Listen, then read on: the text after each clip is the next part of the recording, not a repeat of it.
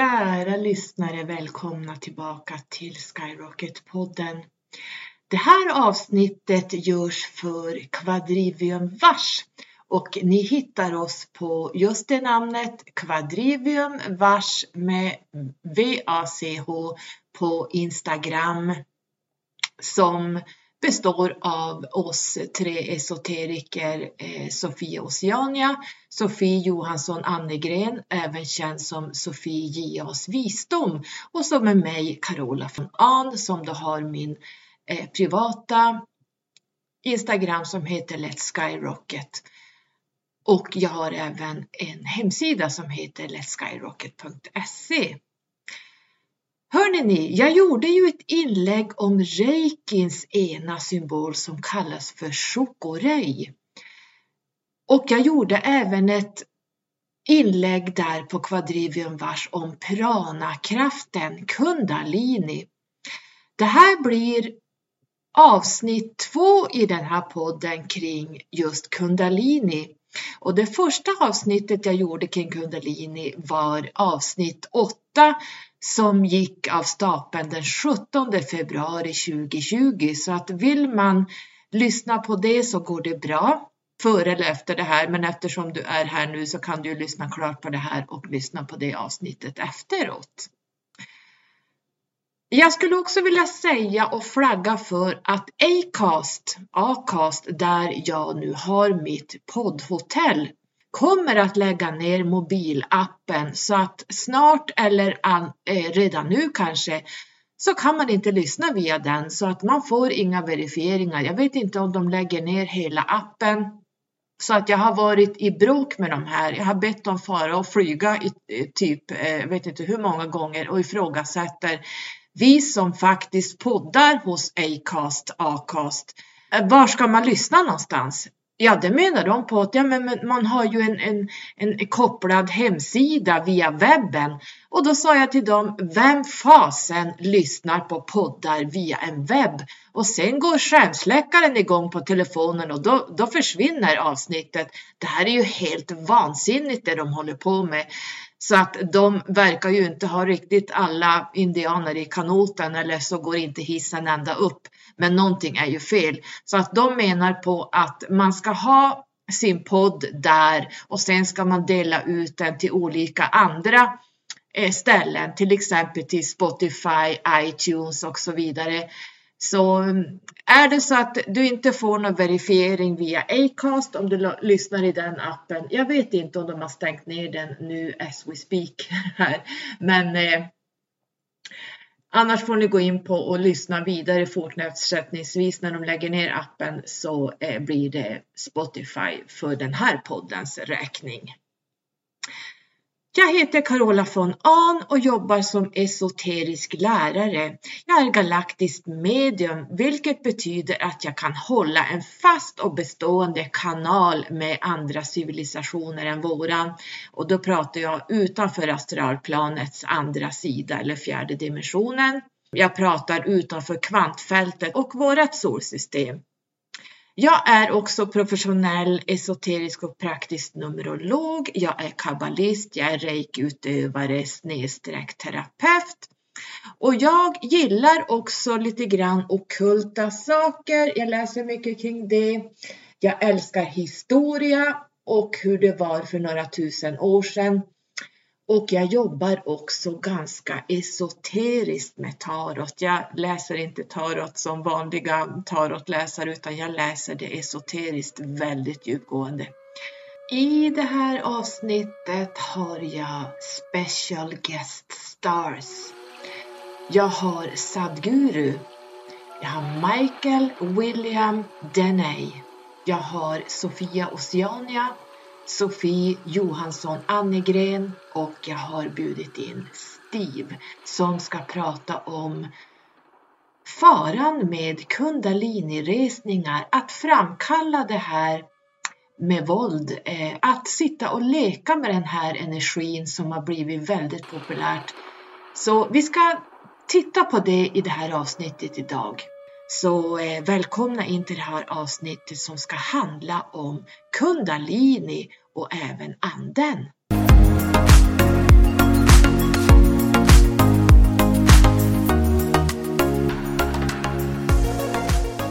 Are you ready for it? Because even if the best things in life come to your life, when you are not ready for it, it will not be a good thing for you. In your experience, it will not be a good thing if something came to you when you're not ready for it, isn't it so? Even if it's the greatest thing, it may be the greatest thing, but it came to you when you are not ready for it, then it is not a good thing, isn't it? So are you ready for it, is the first question. If you're ready for it, what can we do for it? What can we do to activate? The various ways of doing this, many, many ways, but the Kundalini Yoga, in its essence, is the most dangerous form of yoga. I'm saying dangerous because it's the most potent also. What is most potent is always the most dangerous, if improperly handled. There are various kinds of energy in the world right now. Even the electricity is being manufactured in, I mean, produced in so many different ways. When things go wrong, they go seriously wrong. When they're going right, it is the easiest and the best way to produce energy on the planet is nuclear energy actually. But when it goes bad, it goes bad really bad, like in ways that you can't fix it. So similarly with Kundalini Yoga, it is the most potent and it is the most dangerous. Without the necessary preparation and guidance, without expert guidance, constant guidance and observation, nobody should ever attempt it. But the problem is, books have been written about it and everybody wants to do the highest yoga. Nobody wants to start with A, everybody wants to start the alphabet with Z. This attitude itself is dangerous. What can be a life-transforming force can become a life-destructive force simply because without the necessary commitment and dedication and focus and understanding, it is being handled. Anyway, about rising the kundalini. If the kundalini rises, the dimensions of your life will change so rapidly that you must be willing to make the outside adjustments equally quick. Otherwise, things will fall apart in a big way. There is no way to do it. You just have to jump into an abyss. If you have to jump into an abyss, you should be insane or you should have enormous trust in somebody.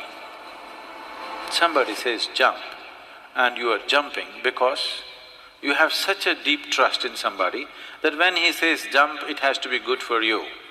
You simply jump into a bottomless pit.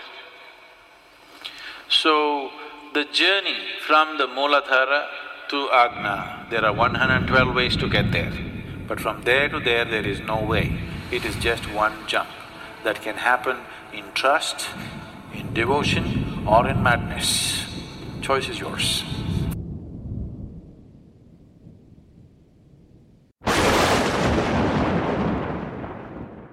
Ja, Sadhguru säger här Kundalini yoga is the most dangerous if not properly handled. Det vill säga utan nödvändig vägledning, expertis, guidance ska ingen någonsin utöva det här eller pyssla med det här. Jag har ju pratat om det här i många år sedan jag hade min egen kundalini full blom, så jag vet vad jag pratar om. Han säger också, Sadhguru, att ingen vill börja vid A utan man hoppar direkt till C. Man hoppar över viktiga steg. Det i sig självt är farligt som blir en destructive force. När kundalini reser sig är det en full blom så förändras både du och din fysiska värld rapidly alltså väldigt fort. Saker faller sönder på ett stort plan och nu pratar vi alltså om det fysiska planet som du faktiskt är här för att leva här nere som fysisk människa. Om någon skulle säga till dig, om du står vid ett berg i ett stup någonstans och det är flera hundra meter ner, rakt ner och du står där vid kanten och så säger någon så här, hoppa. Hoppar du då? Är du så korkad så att du faktiskt hoppar? Du kan ju överleva. Eller så är det någon som eh, fångar upp dig. Det krävs att den du litar på, det vill säga en erfaren kundaliniutövare, bör ha 30 till 50 års kunskap. Och som Sadhguru säger, om du hoppar beror det på devotion, trust or in madness. Det har dykt upp väldigt mycket oerfarna personer i den andliga sfären som pysslar med den här typen av verksamheter och det här gör alla oss på Quadrivium vars oroliga och jag tror det finns fler seriösa där ute som faktiskt hajar till att det håller på att gå käpprätt åt pipan. Vet man vad man pysslar med? Vet man vad det är för kraft man försöker väcka upp? Man har ingen som helst erfarenhet av någonting. Absolut ingenting. Det är så här att när en kundalini ligger sovande i rotchakrat och vaknar till liv, då ska den göra det av sig själv som jag har sagt i hur många år som helst. För annars kan du få en kundalini-psykos i flera år eller for life. Titta på Feel Good där hans kundalini vaknade och han hamnade på psykiatrin. Han blev inlåst med tunga mediciner under många år. Han kunde inte hantera sig själv. Han kunde inte hantera den fysiska världen. Och det är det som händer, för att säga det väldigt kort. Det här är absolut ingenting vi ska leka med. När du skjutsas ut ur kronchakrat, som jag gjorde, då finns det ingen återvändo. Du blir Gud, du blir ett med allt och du kan se och du vet allt överallt. Jag blir ett med dörrhandtaget, jag blir ett med hela kosmos, jag blir ett med hela universum, jag blir ett med allt. Det här är en sån upplevelse att en människa som inte är redo för det klarar av. Det här är så omfattande att man får en psykos om man inte klarar av det här. Därför man måste ha jobbat med den personliga utvecklingen som tar, ja vad ska jag tro, 25-30 år, ja 30-40 år kanske.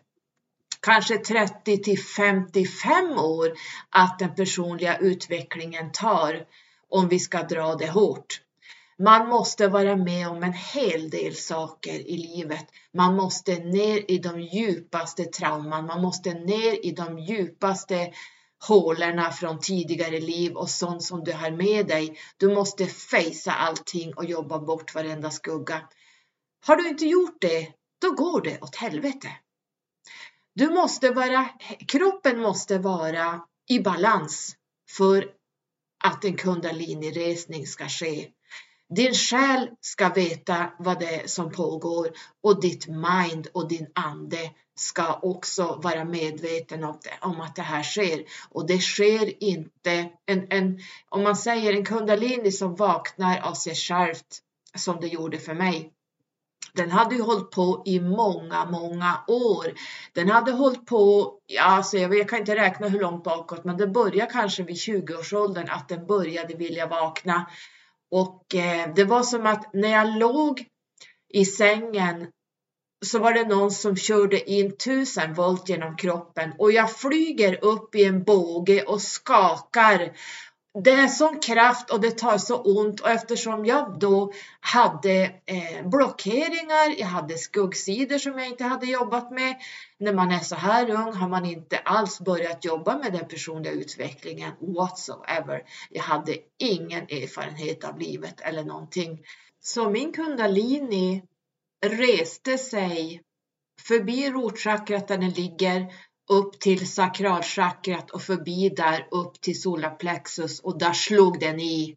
Och det var som att någon tog en stor slägga med ström i och BAM! Och jag, det, var, alltså det var ungefär som att få ström genom kroppen samt att du får en sjuhelvetes smäll. Och sen faller du tillbaka. Jag lyfte väl en till tre decimeter från sängen och det här höll på i många år. Ehm, och jag hade ingen aning om vad det här var.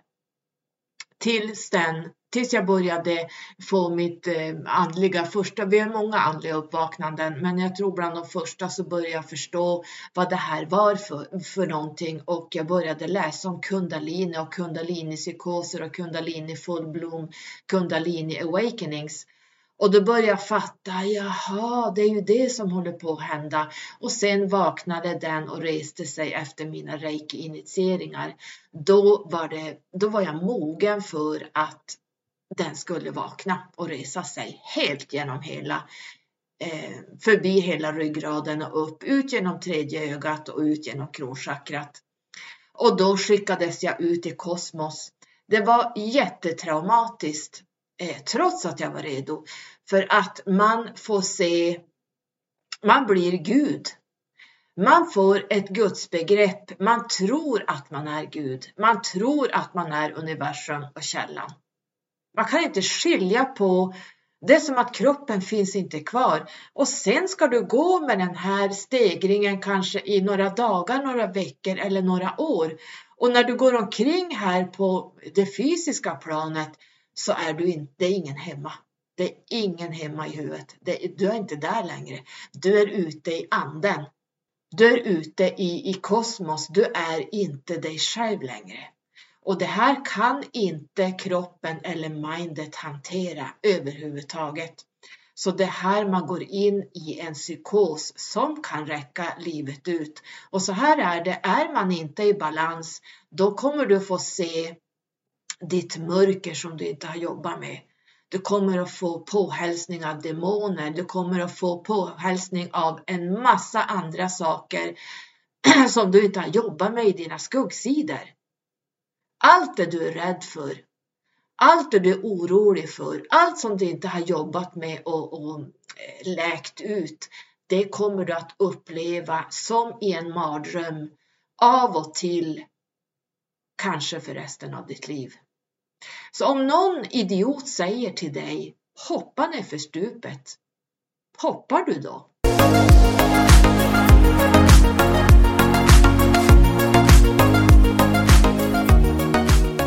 So, what are the symptoms of Kundalini psychosis? Kundalini psychosis, uh, the word psychosis is important because the psyche has a very strong connection to Kundalini. In fact, the Kundalini power, as I've said, is not life force energy. It has a connection to life force energy, and Kundalini has to do with the spinal column and the nervous system and the human identity, the human ego. And so many times uh, there will be some movement within the Kundalini, which, if there are imbalances in the psyche and the nervous system, which they're both connected, the nervous system is a direct expression of the psyche. So, a nervous disorders, you know, you can you always take that back to somebody having some kind of a, identity crisis. So, when Kundalini expresses itself in a way that is uh, uncontrollable or erratic or chaotic, which can have symptoms like physical symptoms like feelings of burning up or energy, you know, burning through the, the nerve, the nervous tissue, a lot of pain. Um, but then we also have emotional and psychological symptoms of uh, feelings of bliss. You know, people will go uncontrollably go into blissful states. Uh, they may have visions they may have hallucinations, and they alternate between um, feelings of uh, grandeur or godhood and or feelings of victimhood, being attacked. So a lot of people have an experience of being attacked by demons or these kinds of things. Other people feel like they have been thrust into becoming a god or becoming uh, responsible for the universe, feelings of godhood. And this was inspired to me by a recent comment, and I won't get into it because I'm not here to bash anybody, but somebody responded to one of my comments about being a God on earth. And this person said, Why would you want to do that? I had that. It was a horrible experience. And then went on to explain how uh, this person had been chosen by them, whoever they are, the gods or who knows what, and um, that it was too much responsibility and all that. This, if you look at that, we're talking about an ego that's out of balance. Because when you have feelings of grandeur, it's always going to be um, connected to the opposite end of the spectrum, which is feelings of victimhood or feelings of being out of control. These are all signs of Kundalini psychosis, especially when you have multiple ones like delusions of grandeur or, de- or delusions of uh, being a victim, being attacked, uh, paranoia, as well as physical symptoms of, you know, intense energy rushing through the body, or blissful states followed by states of terror. This is a sign of Kundalini psychosis, which means that the psyche is out of balance, and this uh, energy of the psyche, which is in the spinal column, is expressing itself through the nerves and, and the nervous system. Uh, so, um, true Kundalini awakening is actually a very peaceful process.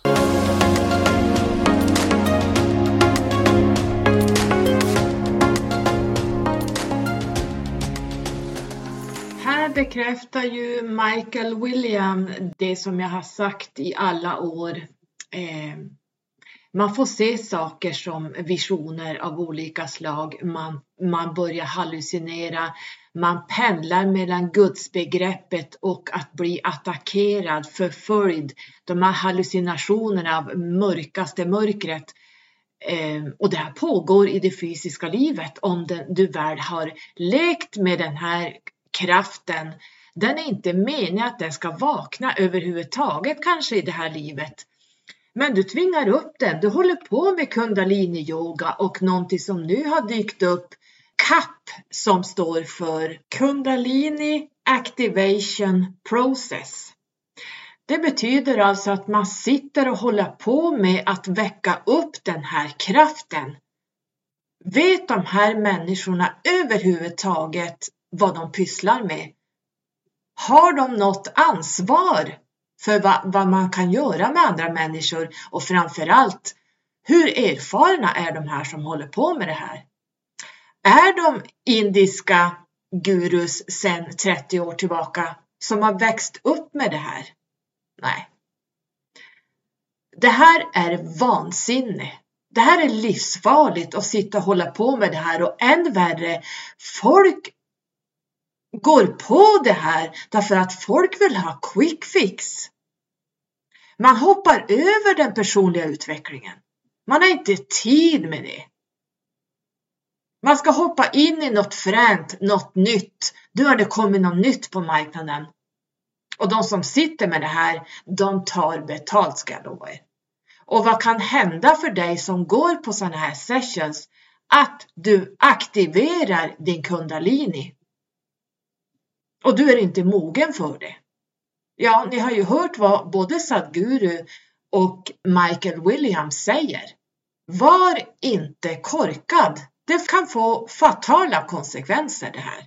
Och jag är, jag är allvarlig här nu, alltså det här oroar mig. Det oroar väldigt många som är seriösa i vår, vårt andliga Sverige. Blir man en seriös som en indisk eh, kundalini yoga guru efter man har gått en liten utbildning? Nej. Vad händer om någon får en psykos? Klarar de här människorna av att hantera det? Sjukvårdsmässigt med mina plus 33 år i akutsjukvården har jag sett det här hundratals gånger. Jag vet hur man ska behandla de här, men sjukvården som inte vet vad det här är, läkarna vet inte vad det här är. Det vet man i länderna, typ Indien och så vidare. Då vet man vad det här är. De ayurvediska traditionerna vet man vad det här är. Men vi på den västerländska sidan har ingen aning om vad det här är för någonting. Man spärrar in personen som helt plötsligt har blivit totalt galen på tung medicin, tunga psyko, alltså psykosmediciner och blir inlåst. Kanske på rättspsyk eller en, en vanlig psykiatrisk avdelning. Ingen vet hur man ska behandla de här. Skakningar är inte okej. Okay. Att stegra upp sig i en båge som jag har hållit på med hela livet tills den väl eh, vaknade av sig själv. Det är inte okej okay, därför att då är inte kroppen redo för det här. Har man värme och brännande känsla eller elströmskänsla genom kroppen är också ett tecken på att du inte är redo. Men man sitter och håller på med det här och tycker att det är fränt, att det är coolt. Kolla vad fränt vad som händer med kroppen. Det här är idioter enligt mig. En kundalini som går genom alla chakran och ut. Den jobbar fint och långsamt. Jag sitter aldrig och skakar och har några brännande känslor och elstötar hit och dit och blir psykotisk. Och varför är det så? Jag kan hantera min kundalini därför att hela mitt kropp, själ och sinne, det vill säga även anden, är i balans. Jag skulle inte vakna annars. Förstår ni skillnaden? Ligger man och skakar och håller på och går upp i bågar och äh, har kramper och allt vad som man får se på videos och sådär. Det är fruktansvärt. Den kroppen är absolut inte redo, för så ska inte en kundalinjeresning gå till. Du tvingar fram någonting som inte ska fram och det kan få fatala konsekvenser.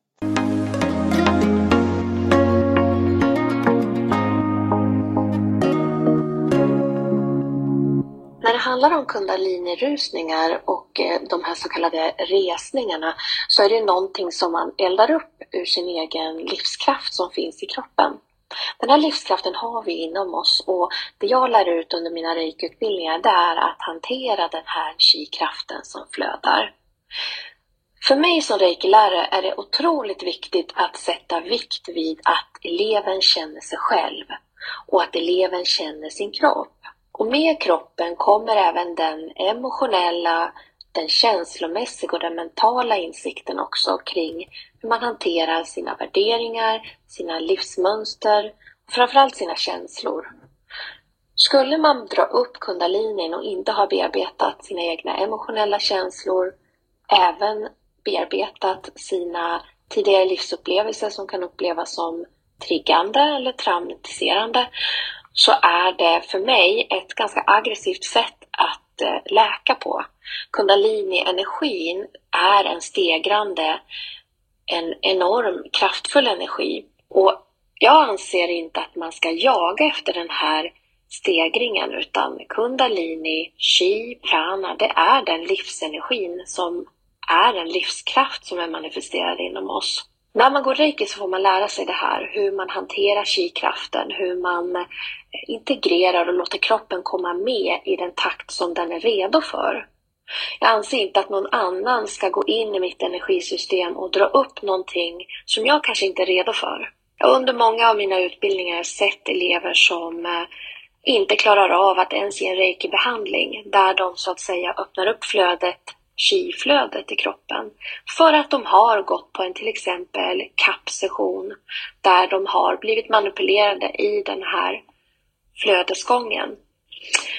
Ett för starkt flöde är inte heller bra i kroppen utan eh, många jagar den här så kallade andliga upplevelsen och för mig blir det en form av eh, förbipassage eftersom att vi inte ser till människan först.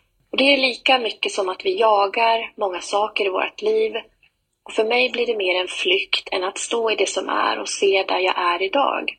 Att gå på en kappsession till exempel skulle vara för mig är, är faktiskt en riskfaktor om man inte vet vart man är någonstans i sin egen själsliga andliga utveckling. Den fysiska kroppen den lyder våra kommandon och den fysiska kroppen ser också som sårbar på många sätt. Just för att den fysiska kroppen är ett verktyg som assisterar oss. Och det vi behöver jobba med mer, det är våra tankar och våra känslor.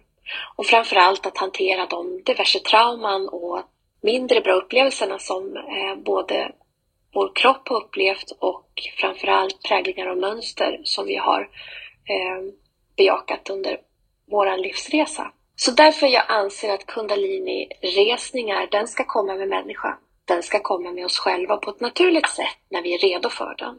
Det är bättre att jobba med eh, chi-kraften utefter reiki-metoden till exempel. Eftersom att chi är någonting som flödar redan inom oss och som vi behöver ha ett gott förråd utav. Och efter att man har arbetat med eh, sitt eget flöde, sina egna insikter och möjligtvis tagit en reiki-utbildning så kan man i den utvecklingen uppleva den egna kundalini-resningen. Som sagt, jag ser kundalini-resningar som något naturligt. Det är något som kroppen ska få bestämma själv när den är redo för. Ingenting som någon annan ska assistera dig med. Så lita på dig själv och ditt eget omdöme. Var närvarande till din egen kropp. Och hitta livsinsikterna och framför allt lär känna din kropp innan du ger dig på någonting som handlar om att kroppen ska rusa iväg eller skapa en flödesgång. Livskraften i all ära, men kundalini-rusningen, den anser jag att den bestämmer själv när den vill flöda.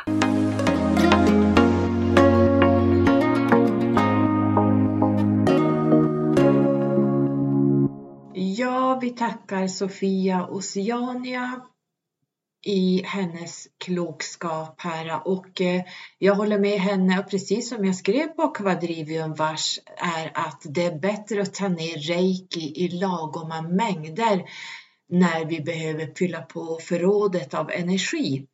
Och som Sofie JAs visdom, Sofie Johansson Annegren också säger, är att man kan ge sig själv reiki och få livsenergi den vägen så att man mår bra och är i balans. Men som sagt var, det handlar mycket om kommersiellt jippo just nu. Det handlar väldigt mycket om att eh, tjäna pengar. Det handlar om att eh, bli känd och så vidare och det här pysslar man inte med om man är seriös tycker jag i alla fall, utan det dyker upp nya behandlingar och nya metoder som popcorn och det är inte etablerat, det här är inte sjösatt. De som håller på med det här har överhuvudtaget ingen erfarenhet.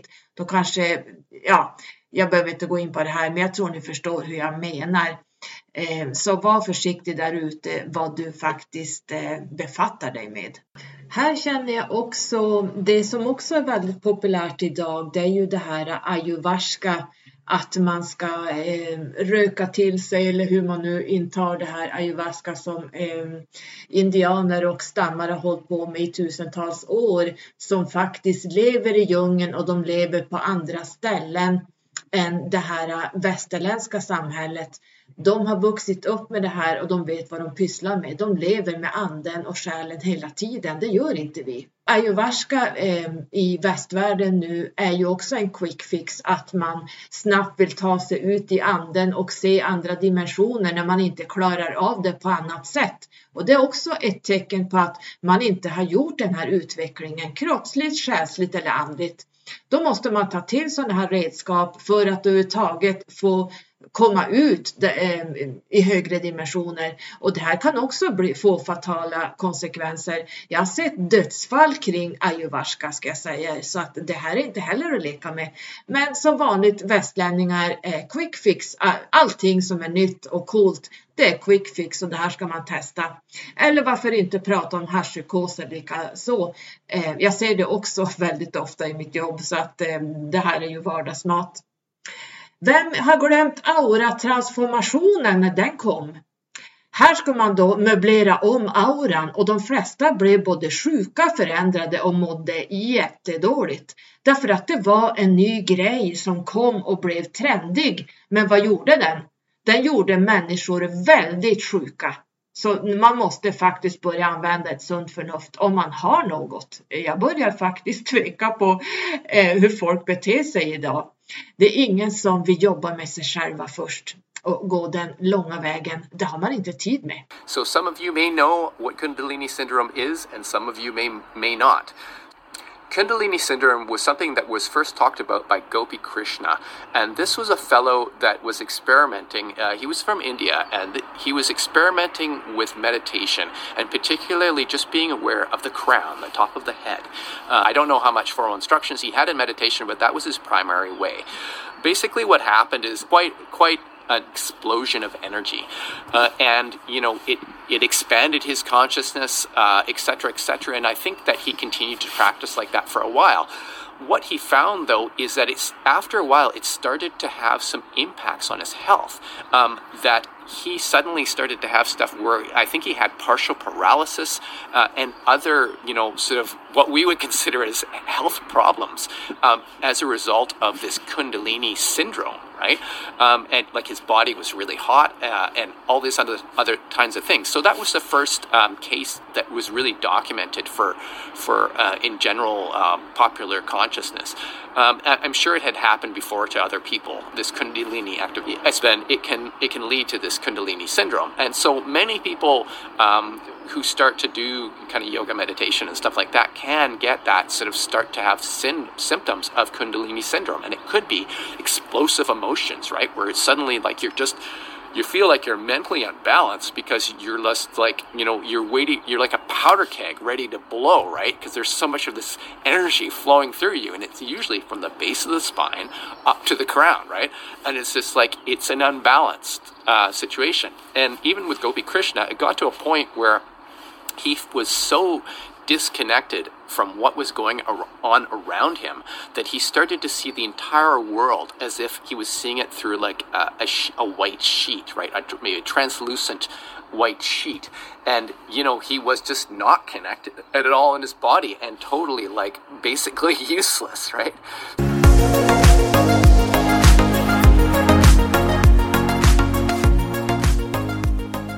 Ja, jag tänker som att en indisk guru bygger upp kundalinikraften över tid och eh, successivt bygger upp sig på energimässig väg så att eh, den är mogen för den här naturliga kundalini-reaktionen som sker när man bygger upp det över tid.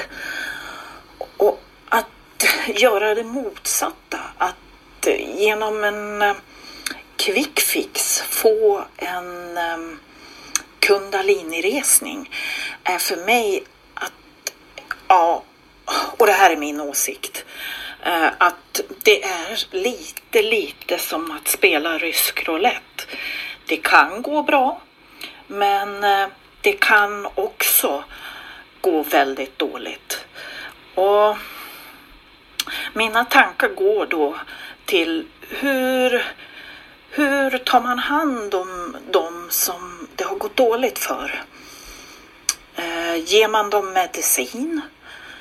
Tar man in dem för psykvård? Eller vad gör man? Ja, vad gör man med något som är totalt okänt i västvärlden och i vårat samhälle? Inte vet hur man eh, motverkar det eller för den delen hur man stoppar det. Eh, ja, ett dilemma. Eh, den som råkar ut för det, ja, det blir en person som får ja, enorma skadebiverkningar eller vad man nu ska kalla det Kanske till och med i många, många år.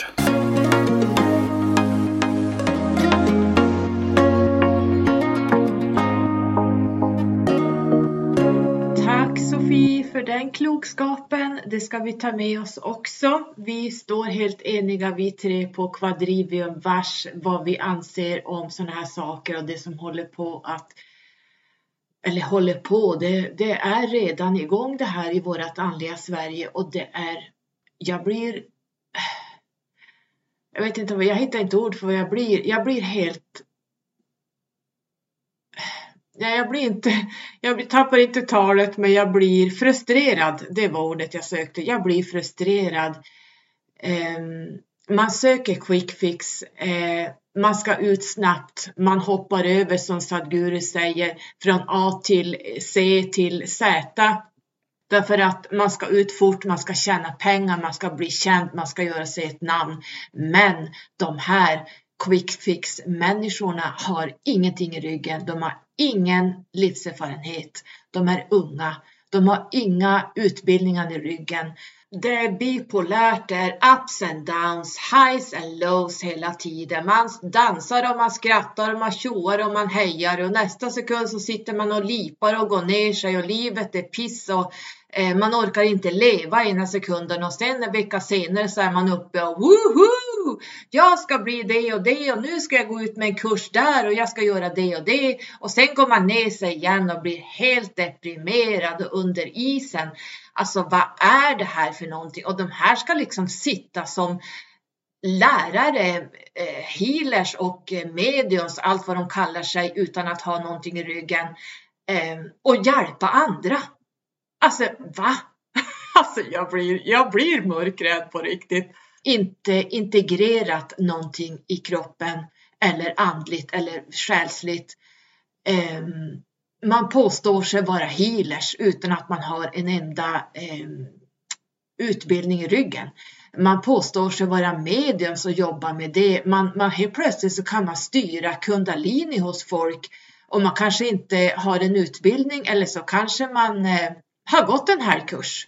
Bara för att jag har tagit körkortet när jag är 18 år betyder inte att jag är en bra förare. Det krävs många års körande eh, varenda dag innan du blir en bra förare, bilförare. Du måste vara med om några saker på vägen för att kunna parera för olyckor.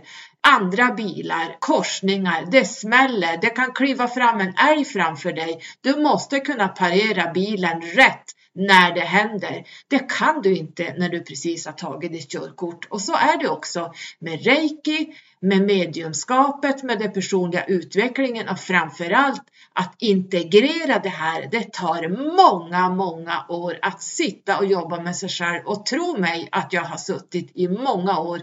Jag har uteslutit vänner, jag har uteslutit det sociala samhället. Jag, jag går aldrig på tillställningar, jag är aldrig på fester, jag umgås inte med någon ja, någon väldigt, någon, någon finns det ju som jag umgås med men det, det, är välvalda människor. Jag har sagt upp allting, bekantskap med allting för att integrera allting som jag håller på med och kan idag. Det tar inte en helgkurs, det går inte ett år, det tar många, många, många år. Det kan ta en livstid innan du blir en person som kan säga att du ska eh, hålla på med och leka med människors liv på det här sättet. För jag ser det som det. Därför att det, det är som Sofie säger, det kan gå bra och det kan gå käpprätt åt helvete. Och vill du hoppa ner för det här stupet? Bara för att det är en quick fix, bara för att det är fränt, det är något nytt som kommer. Jag vill vara med i den här eh, sammanhållningen. Det går alldeles för fort idag och det är tyvärr alldeles för många i vårt andliga Sverige som inte har någonting i ryggen som eh, leder ligan idag och jag blir mörkrädd av sånt här. Jag blir rädd och inte för, för, för de personerna utan för de som hamnar i de här händer och får saker och ting helt snedvridet. Det här är inte bra och eh, jag har pratat om det här i omgångar eh, under åren jag skriver om det på min blogg, jag har pratat om det i mina videos. Eh, jag har tagit upp det här med jämna mellanrum och nu är vi där igen. Det, vi måste börja skärpa till oss när det gäller vad vi släpper fram för någonting och framförallt vad det är man går till. Var mer rädd om dig. Jag pratade ju också om anden och själen i något avsnitt ehm, och då sa jag där att eh, vi kan inte nå anden. Jag tror jag sa något sånt, men det var lite halvsanning efter att när man pratar om kundalini så når man anden. Anden finns överallt och i allting. Ehm, och egentligen är det så att anden Gud, källan, kan egentligen inte så mycket. Anden, Gud, källan går ner i själsstrålar hit ner för att eh, lära sig saker. Och det vi går tillbaka med, det lär sig anden mer och mer. Jag, jag, måste nog ta det här i separat avsnitt, för jag hinner inte gå in på vad anden är, för då blir vi aldrig klara. Då måste jag börja från grunden. Men eh, anden, när man går ut i, i en kund, när jag drar upp min kundalini, lugnt och fint, jag får inga stötar, jag får inga värmesvallningar, jag får inga kramper, jag behöver inte sitta och hålla på och gå upp i båge och allt vad fasen man pysslar med. Det här är ju helt galet. Um, det ser ut som de har epilepsi de här. Jag såg några video på Youtube, någon som, det var någon, någon karar som gick runt och höll på med massa kvinnor och män som låg där. Alltså det var helt makabert. Alltså, och folk tycker, äh, äh, jag, blir, jag blir helt, alltså jag tappar talet fast det gör jag ju aldrig men ni fattar. Oh my god. Och folk tycker att men gud vad fränt. Nej, det är inte så jävla fränt det här. Eh, men hur som helst, när jag drar upp min kundalini som jag idag kan kontrollera, då ser jag kosmos. Jag ser helig geometri. Jag ser geometri överallt. Det är färger och ni vet när jag brukar lägga upp de här äh, kosmiska videosarna ibland på mina Insta-stories eh, där man åker genom jag, jag har inte ord för hur det ser ut, men ni vet de här videorna man bara ser man åker genom kosmos och alla de här färgerna och allt sånt. Eh, så ser det ut. Det är därför jag lägger ut de här videorna ofta för att då, så ser det ut när man går ut med sin kundalini, i, i, när ens kundalini faktiskt har vaknat självt. Och jag är säker på att hos de som, som sitter och håller på med yoga och kundalini-yoga och reiki och mediterar, det är inte säkert att de, deras kundalini överhuvudtaget vaknar därför det är inte meningen att de ska göra det. Men på mig var det meningen av olika anledningar som vi kan ta en annan gång. Men eh, jag ser den heliga geometrin. Jag ser hur den rör sig. Överallt är det helig geometri. Det är ljud och ljudet är time space consciousness. Ljudet är, man skulle kunna säga att numerologin är ljudet. Ljudet som bildar helig geometri, som bildar eh, symboler som sen blir till nummer som också är bokstäver, för bokstäverna är ett ljud. Så för att säga det väldigt kort så är det här numerologi och det var så här jag förstod numerologin. Det var så här jag fick allting kopplat till mig. När jag är ute i kosmos så ser jag helig geometri överallt. Och jag ser färgerna och jag, ser, jag hör ljudet. Och det här är helt fantastiskt. Så att det här är den, den sidan. Det är meningen att jag, skulle, jag ska kunna se det här för att jag ska kunna jobba och lära människor och hjälpa människor kring helig geometri, kring numerologi, kring eh, allt det jag pratar om.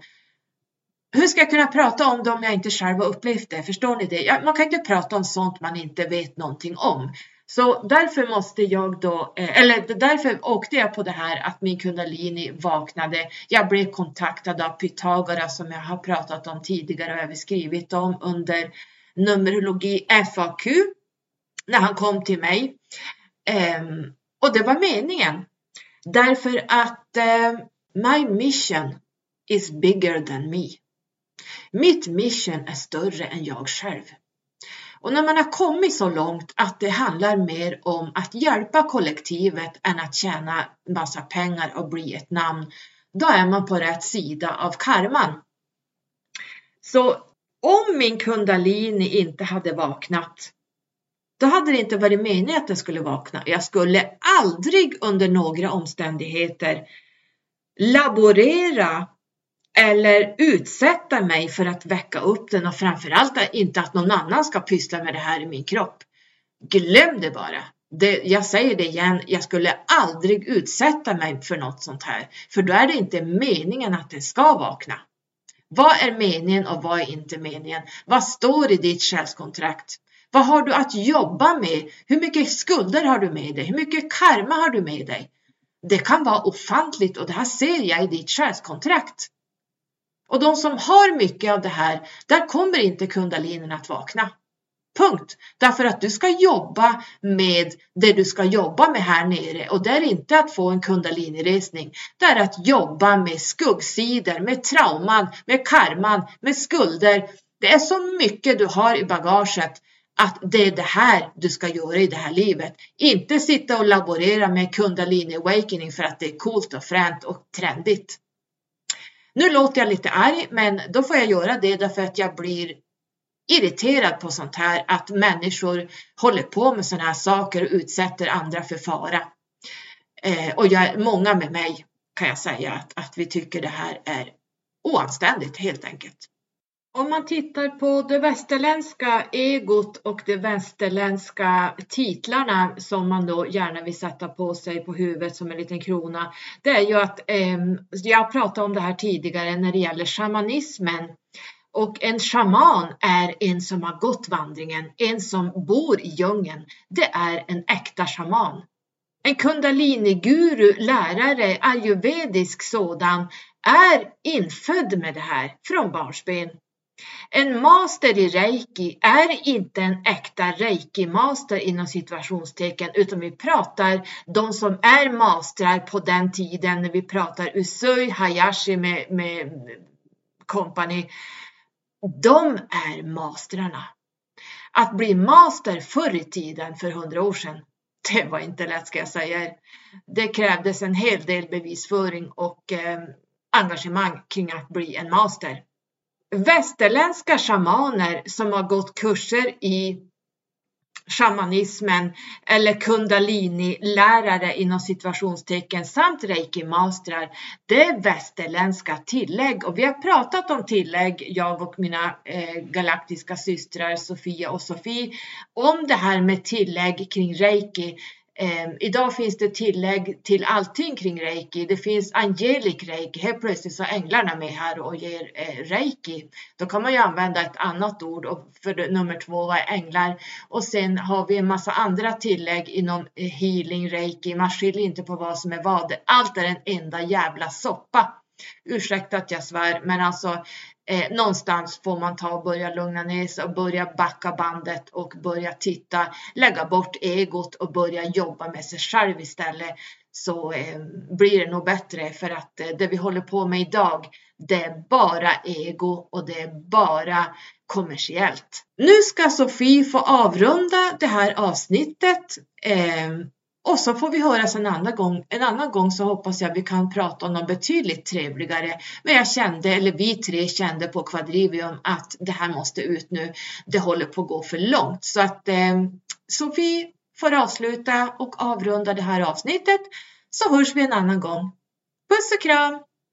Sköt om dig och ta hand om dig och använd ditt sunda förnuft. I love you! Jag tänker också som så att eh det finns inga quick fix. Att ehm, eh, det ska finnas eh, någon form av eh, helt plötsligt att allting ska gå så mycket snabbare än vad det har gjort tidigare. Och med tanke på hur världen ser ut nu, eh, krig, eh, orättvisor, ojämnt fördelat, eh, så tycker jag att vi absolut inte har avancerat något på något sätt. Så varför skulle det finnas en quick fix? Eh, jag tror att man behöver bygga upp eh, saker och ting över tid för att det, man ska kunna bibehålla det och bevara det. Ja, lite granna så är vi lite omogna i det här. Att eh, vi vill vi vill inte riktigt jobba med oss själva. Eh, det är inte spännande, det är inte flashigt, det är, ja, det är inte eh, andliga upplevelser utöver det vanliga utan då får man jobba med sig själv och det är kanske inte spännande. men ack så välgörande.